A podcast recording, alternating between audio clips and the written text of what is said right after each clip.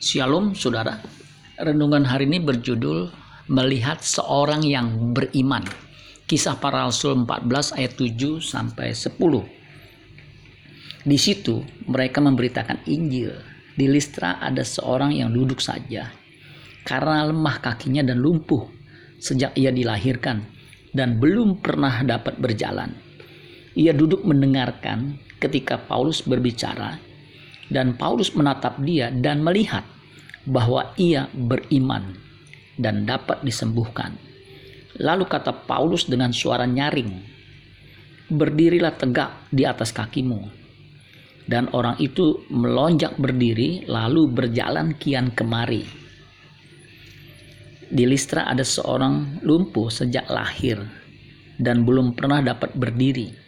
Ia duduk saja karena memang kakinya lumpuh dan tidak berfungsi.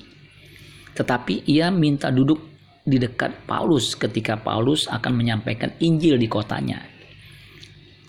Isi Inggris bunyinya seperti berikut. He was sitting near to Paul and he was listening to Paul's words. Paul could see that the man believed his message. Also the man believed that he could become well. And Paul knew that. Terjemahannya kurang lebih seperti berikut. Dia duduk di dekat Paul, Paulus, dan dia mendengarkan kata-kata Paulus. Paulus dapat melihat bahwa pria itu percaya akan pesannya. Pria itu juga percaya bahwa ia bisa menjadi sembuh, dan Paulus tahu itu. Orang lumpuh sejak lahir itu memperhatikan dengan serius pemberitaan Injil yang sedang disampaikan Paulus. Imannya timbul karena iman timbul dari pendengaran akan firman Kristus Roma 10 ayat 17. Paulus dapat merasakan iman si lumpuh itu. Lalu Paulus berdoa untuk si lumpuh dengan suara keras. Dan saat itu juga si lumpuh yang belum pernah berdiri apalagi berjalan melonjak berdiri dan berjalan kian kemari.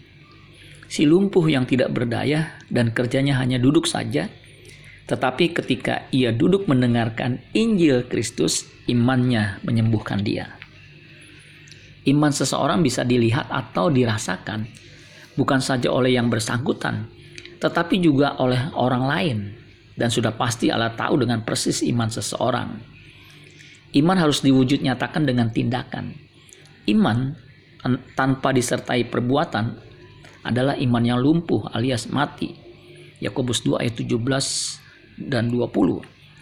Iman harus bekerja sama dengan tindakan dan perbuatan. Oleh perbuatan itu, perbu oleh perbuatan iman itu menjadi matang. Yakobus 2 ayat 22. Milikilah iman yang disertai tindakan. Tindakan mendengarkan firman Allah dan melakukannya dengan sungguh-sungguh. Maka iman itu akan membawa kita kepada keselamatan dan kesembuhan jiwa. Amin buat firman Tuhan. Tuhan Yesus memberkati. Sola Gracia.